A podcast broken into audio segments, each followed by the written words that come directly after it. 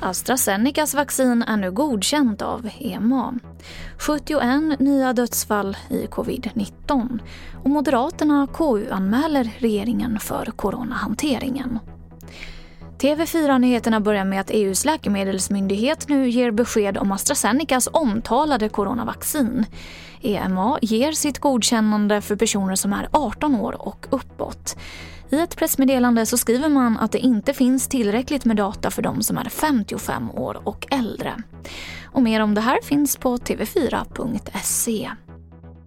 71 nya dödsfall med covid-19 har rapporterats in idag och totalt har nu 11 591 personer avlidit av sjukdomen i Sverige.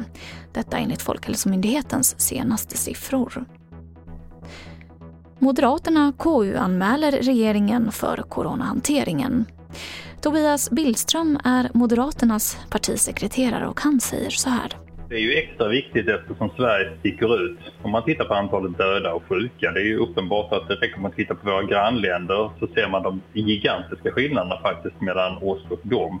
Och förberedelserna inför den här andra vågen som vi är mitt uppe i, den kom igång för sent, precis som nödvändiga åtgärder för att dämpa smittspridningen. Så det är helt nödvändigt att granska hela regeringen och regeringens agerande. Också därför att det har kommit många motstridiga budskap i takt med att statsråden har svar på frågor. Det finns helt enkelt saker som inte hänger ihop. Och idag presenterade Statistiska centralbyrån sin lista över de populäraste bebisnamnen förra året. Och det allra vanligaste flicknamnet år 2020 var Alice. Och bland pojknamnen så var det Noah som var allra populärast. Och det var det senaste från TV4 Nyheterna. Jag heter Emily Olsson.